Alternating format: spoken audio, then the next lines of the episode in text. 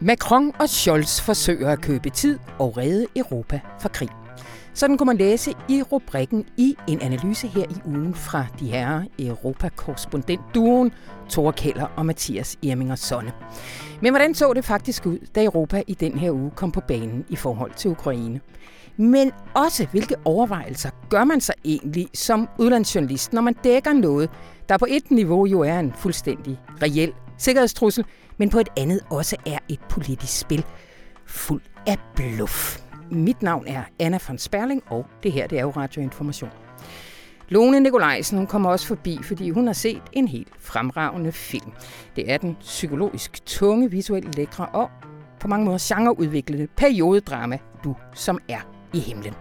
Der handler om et afgørende døgn i den 14-årige Lises liv på en gård i slutningen af 1800-tallet.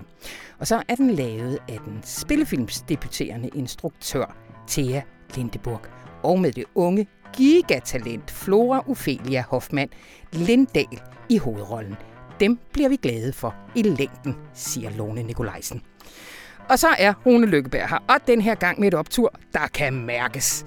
Vi giver den nemlig fuld skrue på lidt national selvfedme, fordi Danmark igen er blevet Keep on rocking in the free world, så så man lige også tage den covid-19 bannerfører for fest og frihed under ansvar med ophævelsen af coronarestriktionerne. Optur og rigtig hjertelig velkommen til.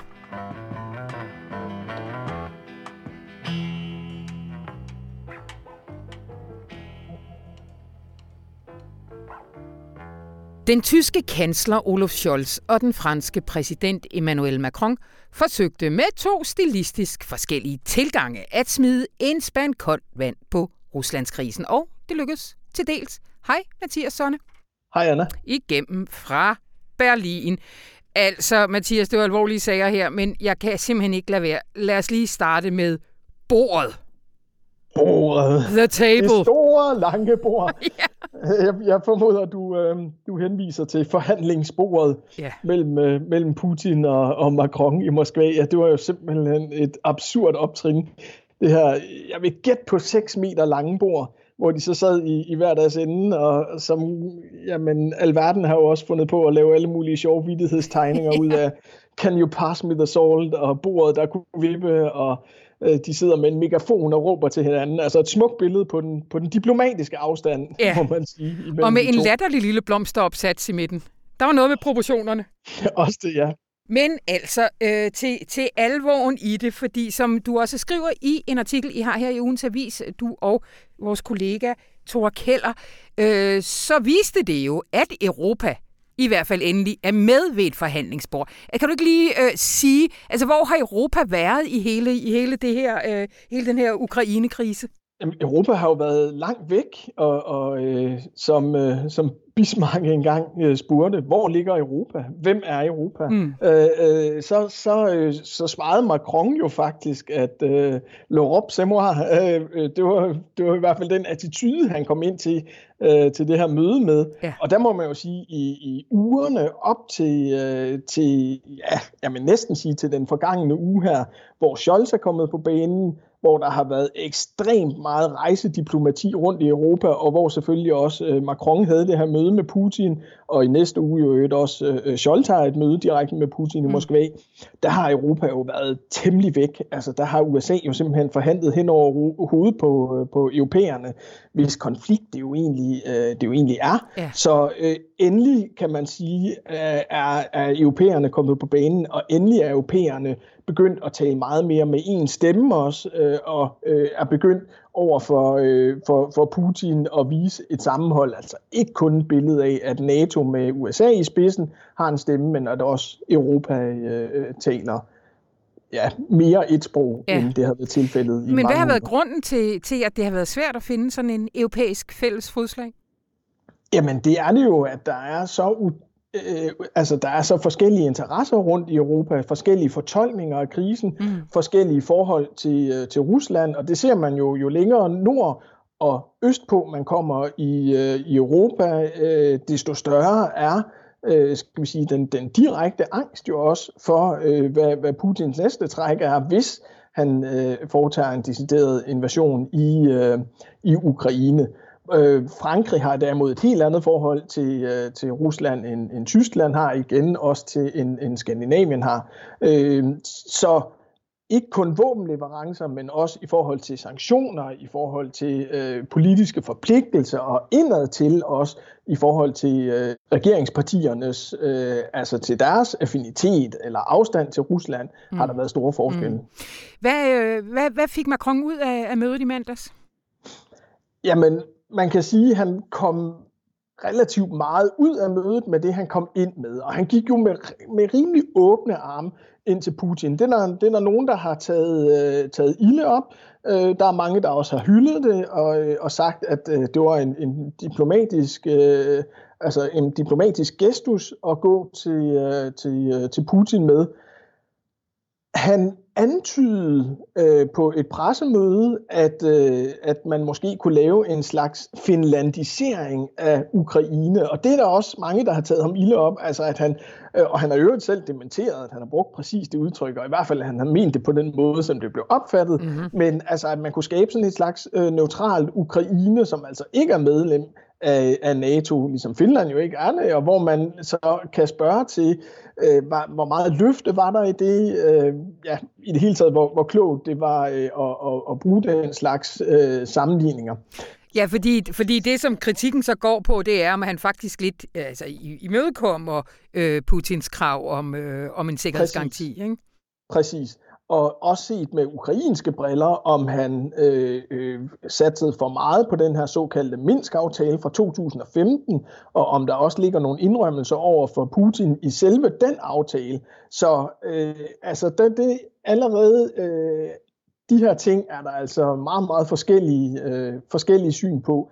Men man må sige, at han trods alt tog til den og det er der ingen andre, heller ikke Scholz endnu, som øh, har gjort og mm. kan måske mm. gøre i Europa. Han var så at sige den, den, nye, den nye Merkel på banen, altså den, der sagde, okay, øh, det kan godt være, at jeg også fører valgkamp, og jeg får noget ud af det her. Jeg vil gerne vise mig som stor statsmand, men han, øh, han tog også yeah. den første store knast der. Men Scholz er også kommet lidt på banen. Han har været i Washington. Øh, hvad, hvad, hvad skete der der? Jamen, først og fremmest så så fik Scholz i Washington lige præcis det, han kom efter. Nemlig, han fik Joe Biden til fuldstændig klokkeklart at sige, we trust in Germany. Mm. Uh, altså, at uh, Tyskland er en helt igennem pålidelig NATO-partner. Det tror jeg var det præcise citat. Uh, han gentog det endda. Uh, uh, altså sagde det to gange i streg, så ingen skulle være i tvivl. Uh, og, og, altså det var selvfølgelig, det var, det var lykkeligt for Scholz, og Scholz fik også øh, chancen for at komme i, øh, han var i CNN og øh, foretog et øh, interview på, på overraskende flydende engelsk, øh, så at sige, til det amerikanske folk, hvor han altså genforsikrede, at selvfølgelig er vi øh, en, en pålidelig partner i Vesten. Der er ingen, der i hvert fald i Europa, som Tyskland, har støttet Ukraine økonomisk med, øh, med flere milliarder øh, euro siden 2014, altså siden, den, øh, siden krisen startede i Ukraine. Der er ingen, der har gjort så meget for fredsforhandlingerne i Ukraine, som, øh, som Tyskland har. Mm. Så den her fortælling om Tyskland som øh, som upålidelig, den er simpelthen øh, pure nonsense, som han udtrykte. Ja, jamen fordi at, altså, Tyskland har jo været lidt set som det her svage led i, i NATO-kæden, og en af grundene er jo også, altså for eksempel, altså helt oplagt de øh, interesser, som Tyskland har i, i Nord Stream 2-forbindelsen. Kan du ikke sige lidt om, om det? Jo, altså, jeg vil godt gemme Nord Stream lige et øjeblik, okay, fordi yes. Nord Stream er kun en lille del af et stort ja. spil, som, som faktisk fylder for meget, hvis du spørger mig, ja. i det samlede billede. Øh, Tyskland har kæmpe store interesser. Scholz har været ekstremt tøvende i, øh, i mange uger, også i forhold til Nord Stream, øh, altså om det skulle være en del af, af sanktionspakken, ja. hvis, øh, hvis Putin øh, og Rusland går videre i Ukraine. Men helt bredt set, så har, øh, så har Tyskland jo et meget ambivalent forhold til Rusland, men trods alt et forhold. Øh, og Tyskland har en historisk forpligtelse over for Rusland i kraft af jeg havde nær sagt det 20. århundrede, øh, i særdeleshed 2. verdenskrig, mm. øh, men har det jo også over for Ukraine, så der står Tyskland i en svær position. Mm. Øh, Tyskland har haft den her ostpolitik, øh, altså en tilnærmelsespolitik, igennem den kolde krig, som har været relativt øh, succesfuld, selvfølgelig med et helt bagtæppe af, så at sige, amerikansk øh, opbakning, og øh, altså på, på, også til dels på ryggen af NATO. Øh, Tyskland har kæmpestore gasinteresser, økonomiske interesser osv. i Tyskland. Så øh, det er altså sin sag også for en kansler at, øh, at gå ud og være fuldstændig øh, øh klippeklar, og der har Scholz jo så bare, må man sige, simpelthen været øh, omvendt for uklar, for vævende, for øh, altså har trukket den åbenlyst alt for langt, og mærkværdigvis jo på intet tidspunkt øh, eksplicit smidt det, som du nævner, nemlig Nord Stream mm. 2 i, i puljen her. Og det var faktisk også Biden, der gjorde det i, i Washington. Yeah. Øh, og Olaf Scholz stod så ved siden af og smilede og sagde ikke ja, men ja. smilede videre. Ja, ja. Fordi der er jo mange lande, der har en øh, interesse i russisk gas og olie, men, men der er vel nogle særlige energipolitiske forhold, der gælder øh, i tysk i forhold til Tyskland, ikke? Jo, det er der. Øh, og og som, som du også antyder, så, øh, så lyder det altid som om, at Nord Stream 2 er et rent tysk foretagende. At det kun er Tyskland, der får noget af det, men det er jo faktisk gas, som ryger ind i hele det øh, europæiske fordelingsnet, og ja. også kommer andre lande til gode. Der er også ja. andre lande, der hænger på de her kontrakter end, end, øh, end Tyskland. Så det, det er en super kompliceret historie, ja. men det er helt rigtigt også, at Tyskland har også i kraft af den model, som Tyskland har valgt for sin grønne omstilling, altså udfasning af atomkraft, har, har satset på, at der simpelthen er gas nok. Øh, og, og den gas, den, den kommer jo øh, næsten halvdelen af den tyske gas fra, øh, fra Rusland. Det er skidesvært at dække fra, fra andre kilder, selvom der efterhånden findes andre teknologier og øh, LNG-gas osv. Øh, så den tyske industri og, og også mig i min lille lejlighed her. Jeg, jeg sidder kun her ved, ved sådan en 18-19 grader, fordi vi har en, en lille gas-termer øh, kørende, der, øh, der drøner en masse, havde jeg sagt, Putin-gas i, igennem systemet. ja. øh, og det er altså næsten halvdelen af tyskerne, der varmer deres hus på den måde. Og Så, I har ikke nok øh, Velux-ruder dernede i Berlin. Det har jeg tit lagt mærke til. Det. Man fyrer for de berlinske fugle også. på her. ja. Æh, i kalder den her artikel for Macron og Scholz forsøger at købe tid og redde Europa for krig. Det må alligevel give lidt i fingrene på sådan en Europakorrespondent at skrive Europa og krig i samme sætning. Altså, tror du på, det er, det er, det er der, vi kommer? Jamen, jeg håber ved, ved Gud i himlen ikke, at øh, det kommer så vidt. Og det har vi også diskuteret meget, altså hvor hvor stort skal vi male det her trusselsbillede op? I det mm. hele taget, hvor meget skal vi skrive om det her? Mm. Øh, hvor, meget er, øh, hvor meget er bluff, og hvor meget er reelt trussel fra, øh, fra russisk side? Mm. Øhm, altså det, det, øh, det er svært at sige, øh, men vi bliver jo nødt til også at tage, tage den her situation alvorligt, og ekstremt alvorligt, øh, lige så alvorligt som den politiske verden jo tydeligvis gør det med, med det her øh, ekstrem aktivitetsniveau, der er i forhold til at, at afstemme og skabe øh, sanktioner og, øh, og sikre østflanken, som det hedder i NATO. Og, øh, altså, det bliver jo taget ekstremt alvorligt, og det, øh, det, det gør jeg også personligt. Mm, mm. I, I Polen der ser man det som den suverænt største krise øh, siden, siden Østblokkens øh, sammenbrud. Øh, så og hvad skal man, hvad skal man lægge i, at Putin også lige pludselig får smidt atomvåben på, på banen her i ugen? Ja, altså det er jo sådan nogle små sidebemærkninger, ja. som, øh, som jo også er en del af hans øh, legitimitet, en del af Ruslands legitimitet øh, som, som stormagt. Altså det er jo, øh, det er jo at, at de har øh, de her fossile energier, og de har et gigantisk øh, atomarsenal. Det er jo ikke fordi, det er en, en hverken rig eller specielt øh, innovativ øh, øh, nation, øh, der, der buller der ud af i det 21. århundrede. Altså, det er jo nogle relativt primitive magtmidler, øh, de sidder med. Så det er et retorisk kort for ham. Men ja. jeg vil anbefale læserne at læse det her øh, interview, som vi havde for en 10 dages tid siden med Ole Weber, altså med ham, den danske øh, sikkerhedstænker, kan man vel godt kalde ham, øh, som, som har sådan to outlooks på det her. Øh, og, og helt personligt, så har jeg det ligesom væver. Jeg kan ikke forestille mig sådan en, en fuldblåen russisk invasion af, øh, af Ukraine. Jeg vil selvfølgelig på heller ingen måde udelukke det, mm-hmm. men men det ser jeg ikke for mig. Øh, og Væver, han, han optegner også to scenarier, nemlig som sit worst case scenario, sådan en begrænset militær indtrængen i Ukraine, som altså vil udløse nogle, nogle tunge sanktioner, som også vil ramme Vesten hårdt, altså som en, en boomerang, så at sige. Øh, men den anden mulighed er også, at Putin på et eller andet tidspunkt trækker på skuldrene og siger, okay, vi trækker de her tropper tilbage, og nu har vi haft vores øvelser, og han ligesom spinder sig ud af, øh, ud af, af den her øh, optrapning. Og der er det store spørgsmål selvfølgelig, kan Putin det? Altså, mm. hvad, hvad er konsekvenserne? Og der er mange, der siger, jamen, der er ikke nogen opposition i uh, Rusland. Der er ikke nogen, der vil komme efter ham. Der er ikke nogen, der vil slå ham over fingrene. Uh, det vil han også kunne slippe afsted med. Ja. Så det vil selvfølgelig være den lykkelige udgang på det. Det er jo det. Og det bliver det sidste ord for den her gang, men vi skal sandsynligvis snakke meget mere om det i fremtiden. Tusind tak, Mathias Solle. Selv tak.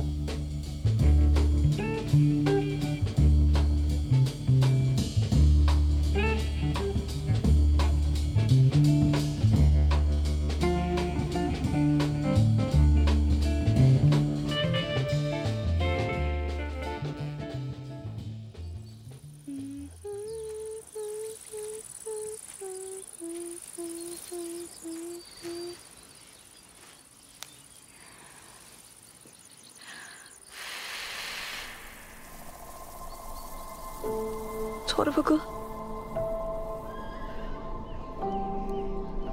Det er ikke med min gode vilje, du skal på skole. Nej, far. Det er spil, hvis du spørger mig. Det kommer til at blive godt for dig. Nogen er lavet til det, vi laver, og andre de er lavet til noget andet. Om Lise så bliver den eneste af mine piger, jeg har fået sendt afsted. Gud bevarer jer alle sammen.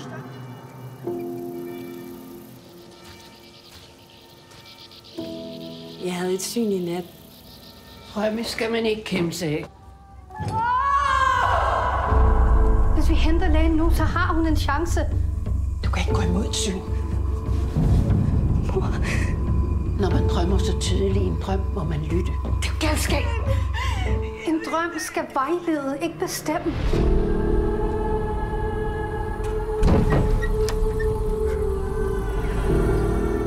Det er op til vor herre, om man vil holde Anna i live. Og hvor herre kan vi selv henvende os til. Der behøver vi ikke Dr. Lund. Hej Lone Nikolajsen. Hej Anna. Du har set en film af en debuterende, i hvert fald debuterende spillefilmsinstruktør, Thea Lindenburg. Ja. Du som er i himlen. Ja. Og kan, kan vi ikke lige, øh, kan vi ikke lige øh, starte med, at øh, det er jo en filmatisering af en vigtig dansk roman. En vigtig og ikke vildt kendt dansk Nej. roman. En af dem, som ikke lige øh, kom med i den sådan allermest kanoniserede danske litteraturhistorie. Øh, en roman, der hedder En dødsnat, skrevet mm. af Marie Brendal øh, og udgivet i 1912.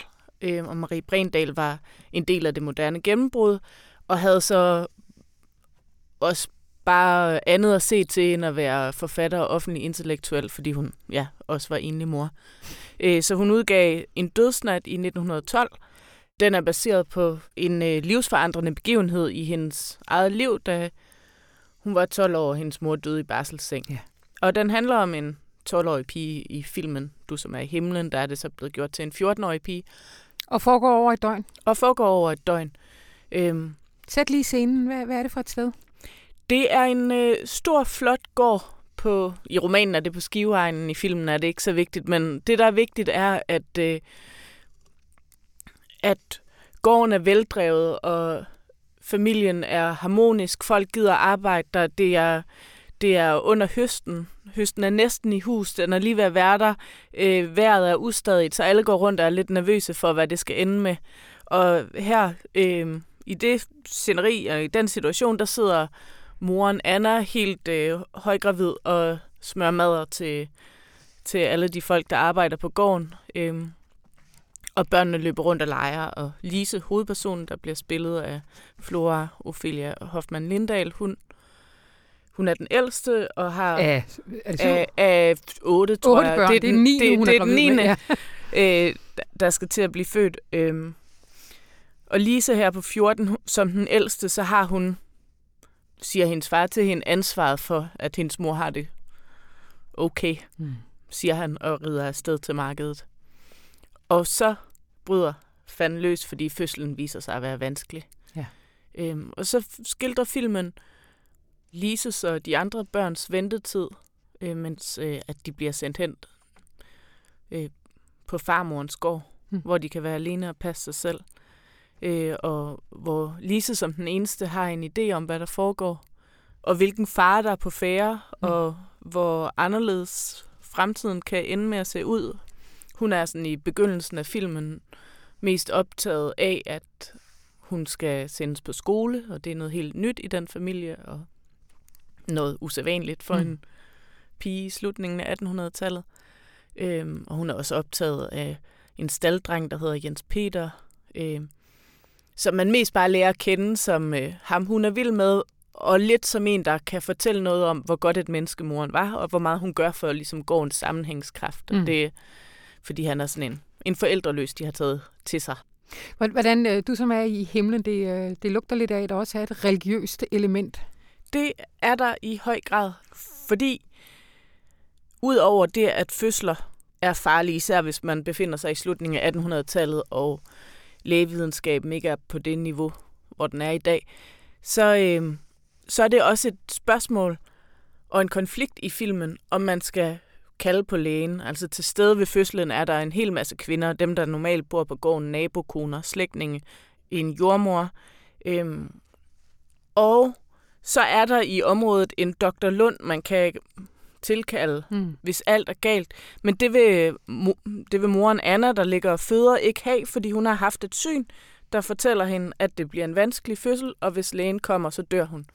Øhm, og blandt de her kvinder er der så den her diskussion, om man skal respektere hendes ønske. Det er der nogen, der mener, bare fordi de mener ikke, at man kan gå imod hendes ønske, og så er der nogen, der mener, at, at øh, altså, det giver bedst mening. Altså, de tror mest på at følge synerne. Mm. Altså, og rette sig efter synerne, og så er der nogen, der er måske mere sekulært tænkende, som tænker, at det er nu, der skal bare tilkalde sådan en læge, mm. og midt i det hele, så er der øh, svigermoren, eller Lises øh, farmor, øh, sådan en matriarksbillede af Lisbeth Dahl, der går rundt og bare inkarnerer sådan en kristen fatalisme og siger, at, øh, at det er jo Guds vilje, mm. om øh, Anna skal dø eller leve. Og øh, ham Lisbeth Dahl, spændende cast. Ja, og hun er ikke med i særlig mange minutter, men hun har sådan en øh, stærk matriarkalsk ja. udstråling, som er god. Altså, ja. hun er god i den rolle. Ja. Og apropos castet, så øh, skriver du, at øh, hovedrolleindehaveren, der jo også blev begavet med en pris ved, øh, ved Filmfestivalen i San Sebastian, er helt fantastisk. Ja, øh, Florie Ophelia Hoffmann Lindahl, fire navne, det er lidt ja. mange. Øhm, men hun er bare vildt god. Altså, det var hun også i DR-dramaserien Ulven kommer, som ja. var sådan øh, socialrealisme øh, om tvangsfjernelse af børn. Hvor hun spillede et, øh, et barn, der fortalte noget til sin lærer, der gjorde, at hun blev tvangsfjernet. Og så vidste man ikke helt, om det passede. Øhm, og hun har sådan en alvor. Eller det, jeg synes, det er så svært at beskrive, især børneskuespillere, men men det der er, er bare, at det ikke virker forseret. Altså, øh, der er bare hul igennem til en stor alvor, og også til sådan noget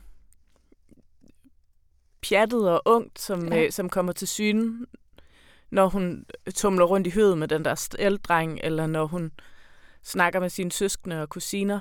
Øhm, så altså, hun er nok bare en rigtig god skuespiller. Ja. Jeg tror, vi bliver glade for hende i længden. altså med mindre hun finder noget andet at lave, det skal, jo, det skal hun jo selv bestemme. Men...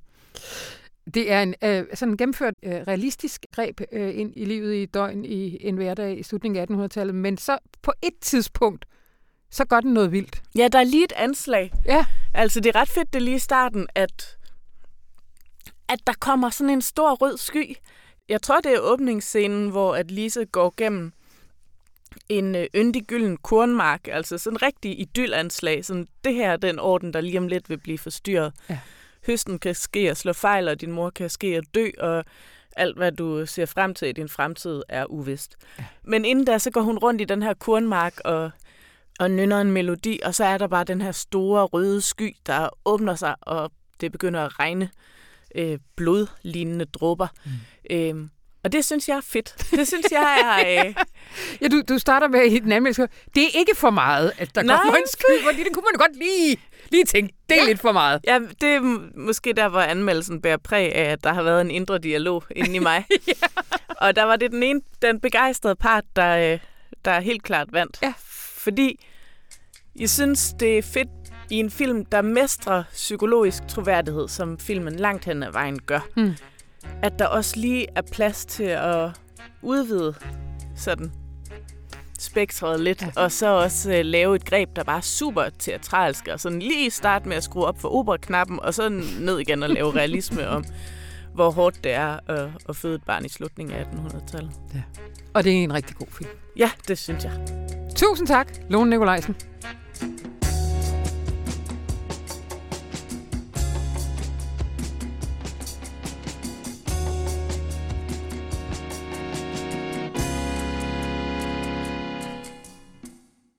Hej Rune. Hej Anna. Du har en optur til os. Du, du oppede allerede ned ad gangen her. Ja, vi har altså... det er jo også en optur, du deler, Anna, det ved jeg. Mm. Det er den internationale reaktion på, at Danmark har hævet alle coronarestriktioner.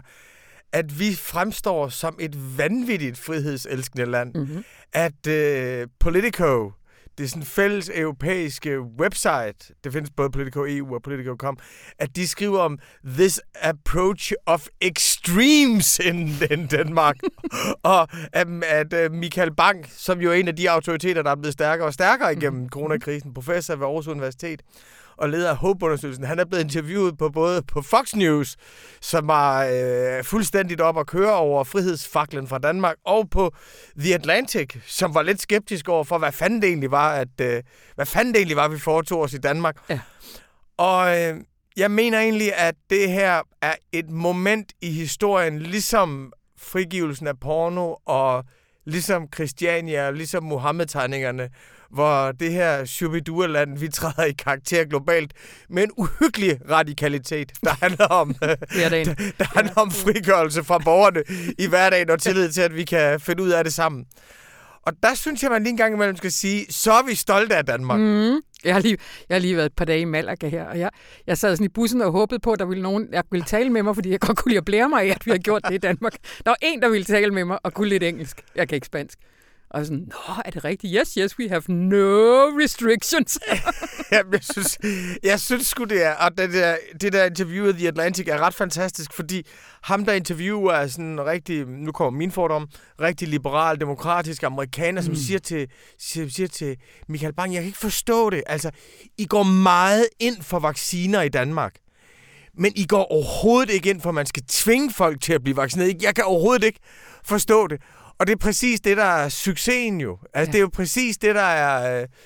Det, der er, der er succesen. Så kan vi jo sige, at den der enorme tillid til folks friheder, til at vi kan finde ud af det sammen, den kan vi jo så strække ud til resten af samfundet, ikke kun lade gælde covid. Jeg synes også, der er en interessant kulturhistorie i det faktisk, fordi i starten af corona, der var vi jo hurtigt fremme og lukkede grænserne meget hurtigt og var altså var mere autoritære end andre lande.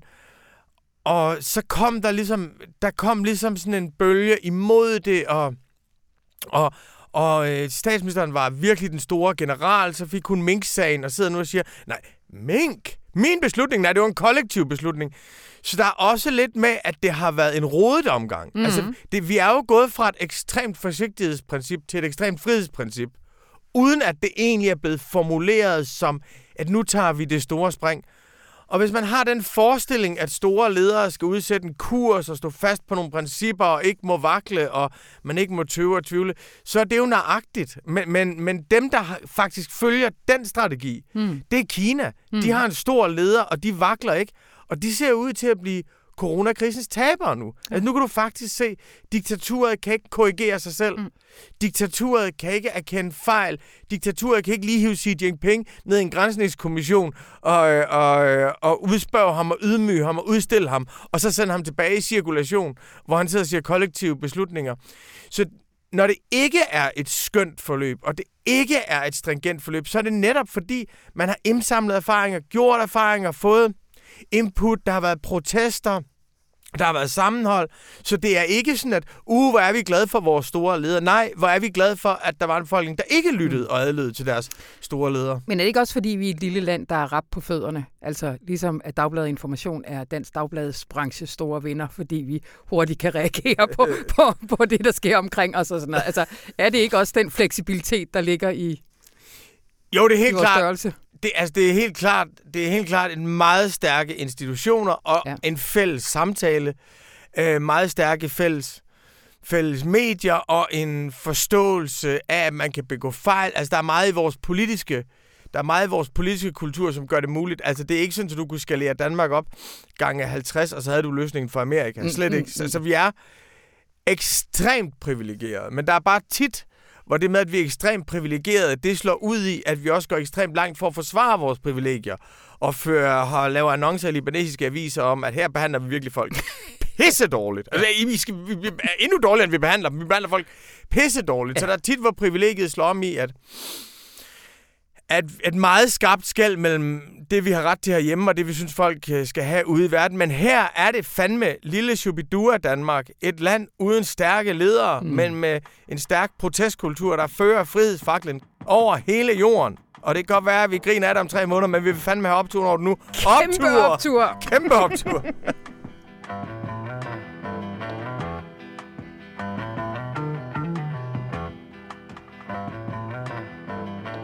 Og det var, hvad vi havde valgt fra den her uges aviser. Og det er faktisk godt, at jeg ikke skal mere, fordi der er sket noget her på det seneste. Og det er, at det her lille studie i Storkongensgade, som føles det i et helt liv, bare har været mit. Der er lige pludselig begyndt at komme andre mennesker. Jeg kan få det sådan. Der er nogen, der har spist af min grød. Der er nogen, der har sovet i min seng. Fordi radioinformation var jo information lyd i ja, 3-4 år eller sådan noget. Men Forhåbentlig har I opdaget, at der er begyndt at komme meget mere. Der er selvfølgelig de andre sådan, magasinprogrammer. Øh, vi kender jo alle sammen Runes langsomme samtaler og Mathias Sindbergs allernyeste, hvis I ikke har opdaget det, som hedder Det Store Perspektiv. Men vi er også begyndt dagligt at oplæse et udvalg artikler fra avisen. Og velkommen til dig, Rasmus Bo Sørensen. Tak skal du have. Det er dig, der nogle gange er her og skruer ned for mit lydniveau og brokker dig over, at jeg har glemt en kop med kaffe og den slags. Ja, der, der er kommet trængsel i uh, det lille lydstudie. ja. Ja. Det er ikke en banegård endnu, men et lille trinbræt. Det er et lille trinbræt, og det er simpelthen så skønt. Og Rasmus, når, altså, vi kan godt øh, snakke senere meget mere om det der med, med at oplæse artikler, fordi det er jo det store nye dyr i åbenbaringen, mm-hmm. også øh, bredt i dagbladsbranchen. Den her gang har jeg egentlig bare lyst til at vi lige hjælper lytterne af radioinformation lidt videre over i universet ved at komme med, skal vi sige, to konkrete historier for den her uge, du har læst op, og som du synes fungerer pissefedt på lyd. Det er en aftale. Godt. Altså, øh, nu skal vi bare lige sige allerførst, at vi har, et, vi har et lille udvalg af oplæsartikler hver uge, og der er altså øh, en artikel hver dag, alle ugens dage. Ja. Og måden man finder dem på, bare lige for at få det overstået hurtigt, yes. det er at gå ind på hjemmesiden, se om der er et lille ikon i, i billedet, og så trykke sig ind, og så enten lytte til artiklen på, øh, inde på selve artiklen, eller gå ind på det, der hedder information.dk-lyt, hvor artiklerne ligger i sådan et flow, så du kan spille dem i en playliste. Mm. En never-ending ting. Og derinde lige nu ligger der øh, to synes jeg, ret øh, forskellige i øvrigt, men også virkelig spændende artikler fra øh, vores øh, univers. Den ene handler om øh, vaccineproducenten BioNTech, mm-hmm. som øh, jo har tjent øh, styrtende med penge på corona øh, vaccinen øh, og gjort det, øh, det tysk-tyrkiske ægtepar øh, bag ved firmaet der øh, til milliardærer. Og i øvrigt også gjort Mainz, byen, hvor, hvor BioNTech har hovedsæde, altså forvandlet den fra en, fra en fattig by til en rig by. Ja. Men der er jo så et lille arbejderbej, for der er stadigvæk mange fattige lande, hvor vaccinen ikke kommer ud til, og hele det etiske øh, spørgsmål omkring det behandler artiklen også. Så det er sådan en, øh, det er sådan en, en god baggrundsfortælling øh, om øh, dem, der har vundet, kan man sige. På Coronabaronerne. Coronabaronerne, ja, lige præcis. Og hvis man så er til noget helt andet, i det, lidt mere over det, i det kulørte, kan vi sige, mm-hmm. univers, så kunne man øh, måske gå ind og lytte til Lone Nikolajsens øh, retssalsdrama, for retten på Frederiksberg, hvor forfatteren Sara Omar øh, i øjeblikket forsøger at få stoppet en øh, dokumentarfilm om sig selv. Hun vil forhindre øh, filminstruktøren øh, Manja Pavani i at bruge optagelserne fra en dokumentar, der vist nok begyndte som noget, der minder om et hyldesportræt, men så siden udviklede sig til en øh, meget kritisk øh, dokumentarfilm, øh, som skulle angiveligt portrættere Omar som løgner og bedrager. Mm. Øhm, selv mener hun, at hun er blevet manipuleret øh, og dårligt behandlet. Det er sådan, så er polerne spændt ud i universet, og øh, jeg kunne nævne mange flere, men det vil jeg ikke gøre. Ja. Øh, men bare anbefale folk at gå ind og sætte øh, hørebøfferne øh, på, yes. og så øh, gå en tur med barnevognen, eller øh, grave noget i haven, eller vaske op, eller hvad man nu ellers skal foretage sig, når man ikke skal sidde med avisen i hænderne. Det er jo det, fordi man kan nogle gange få det sådan, og så meget lytte til, og så lidt tid, men øh, man kan jo stort set gøre alt andet end kvalitetstid med ungerne og anden intimitet, mens man lytter til det det ekspanderende lydunivers, vi kalder information. Lige præcis. Og? Ja, jeg har jo lov at stille dig en modspørgsmål, ja, så du også kan få lov at fortælle lidt om dine nyheder. For det er jo sådan, at Radioinformations nyhedsbrev også ekspandere. Det må man sige. For den her uge, og de lytter, der har øh, nyhedsbrevet, jeg har jo allerede set det sandsynligvis, så er det simpelthen et bredt radioinformation, hedder det stadigvæk, men øh, lytteunivers. Fordi hver uge, der kommer jeg til at øh, pege på, hvad der er det bedste i vores magasinprogrammer, altså langsomme samtaler og lige for tiden også øh, det store perspektiv. Og du kommer til også at øh, pege på et par af de oplæste artikler, som du øh, synes, vi skal lytte til. Og som en lille bitte gave til sidst, så er jeg altså tykker mig igennem så mange udenlandske podcasts hver uge, og jeg giver hver uge en lille anbefaling til en af dem. Så øh, hvis I ikke har nyhedsbrevet, så gå ind på information.dk nyhedsbrev og skriv op. Det var det, og nu skal du nok få studiet. Jeg skal bare lige huske at sige, at mit navn er Anna von Sperling, og det her program det var klippet af Anne Pilegaard Petersen. Og så må du have en rigtig dejlig weekend.